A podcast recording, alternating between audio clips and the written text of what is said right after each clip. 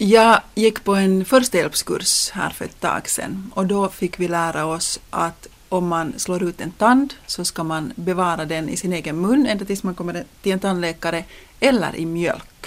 Varför mjölk, Anna-Lisa Söderholm? Mjölk lär ska innehålla någonting som skyddar den här mycket ömtåliga vävnaden på roten, den här liksom rothinnan. Rothinnan det är ju den som ska fästa tanden vid benet. Eh, man är nog väl inte riktigt på det klara med hur det här verkar och det är inte någon lång verkan. Man ska i alla fall hemskt snabbt till en tandläkare som kan placera in den här tanden på nytt i benet.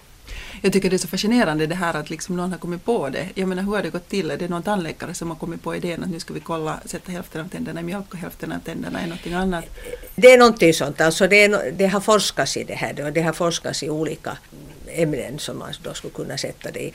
Mjölk lär ska innehålla någonting speciellt som eh, är, då är hälsosamt. Som så att säga försenar eh, den här förstörelsen, alltså den förstörs långsammare den här rothinnan. Problemet är ju det att i allmänhet så finns det ingenting annat än saliv att sätta det i då när det händer. Det händer ju ofta ute. Mm, något barn cyklar omkull man faller, faller ja, eller någonting sånt här. Och, och, då är det största problemet, och det första är ju att alla ska veta att då ska man få tag på den där tanden, man ska hitta den. För att vi har ju sett ofta sådana som kommer och de har inte tanden med sig. Och då går den inte att sätta tillbaka? Nej. Nej. Nu kan det hända att ibland när något sånt här händer, speciellt på små barn, så hittar man ingen tand. För det som har hänt är att den har tryckts in. Helt in? Helt in, alltså att den syns inte. Eh, slemhinnan är svullen på det, det stället och, och där innanför finns tanden som är upptryckt i, i käkbenet. Oftast är det övre tänderna som drabbas när de faller på en sten eller på en trädrot. Och då, då kan man plocka ut den därifrån? Den får i allmänhet växa själv ut. Det beror lite på hur allvarligt det är. Man vill gärna ta en röntgenbild av den här tanden för att se hur den ligger i förhållande till den permanenta tanden om det är en mjölktand. Är det en mjölktand annars så får den komma sen långsamt ut på nytt och så följer man med den. Men om det är då en vuxen människa och den trycks in så då måste man göra någonting. Eller en permanent tand på ett barn också.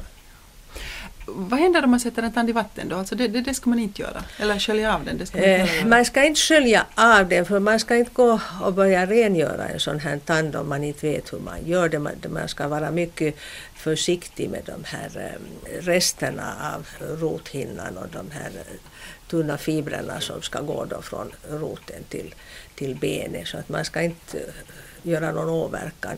Det allra viktigaste är att man så fort som möjligt ger sig iväg till närmaste tandläkare som kan göra någonting åt det. Ja, hur bråttom är det?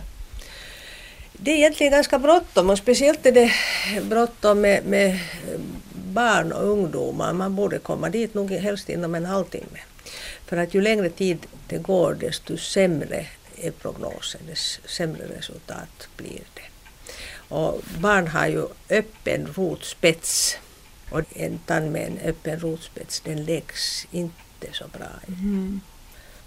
No, om man slår ut sina tänder i slalombacken och hittar dem, håller dem i munnen, Duger det förresten med en annan människas saliv lika bra? Det, gör det, no, det är väl ungefär lika bra, det är inte så stor skillnad där.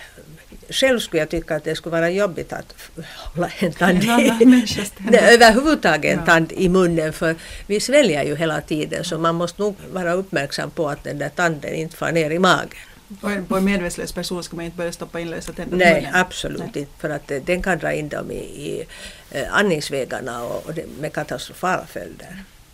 Men om man då hittar sina tänder, håller dem i munnen och kommer iväg till en tandläkare inom en halvtimme, vad gör ni då och vad, hur stor är chansen att man får dem att om det är en vuxen människa och, och, eller en, en ungdom som rotspetsen har vuxit ihop, att det är en så att säga mogen tand, så då är prognosen relativt god nog. Och man sätter in den på sin plats och ser till att den är bra i bettet, att den inte höjer. Och, och sen fästs den, det beror på olika sätt beroende på lite vad som har hänt.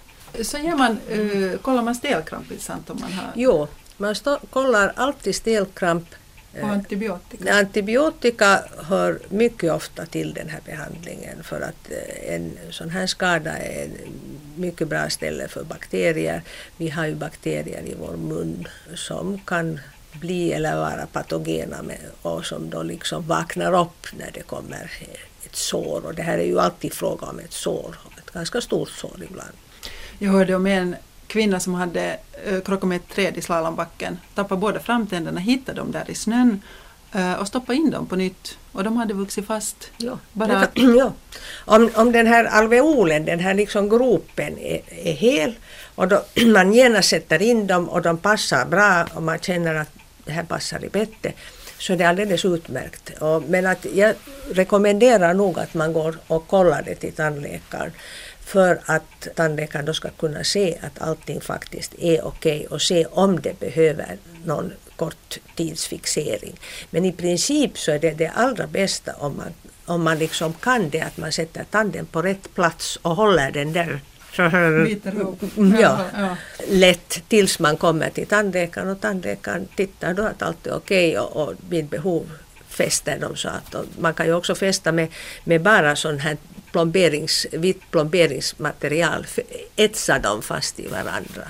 No, I det här fallet tror jag faktiskt det var så att när hon kom till tandläkaren så märkte tandläkaren att de var satta höger tand på vänster sida och tvärtom. Ja. Jag tror att man fixar till det. Ja. Men, jo, jo, men det är också liksom, man, man, det kan man också göra, liksom att man sätter den provisoriskt. Alltid går den inte liksom och då ska man inte tvinga den för, det, för att då kan det hända att den liksom går fel, att den söndrar någonting. Utan man ska veta hur man gör det då, när man kan så att säga använda kraft.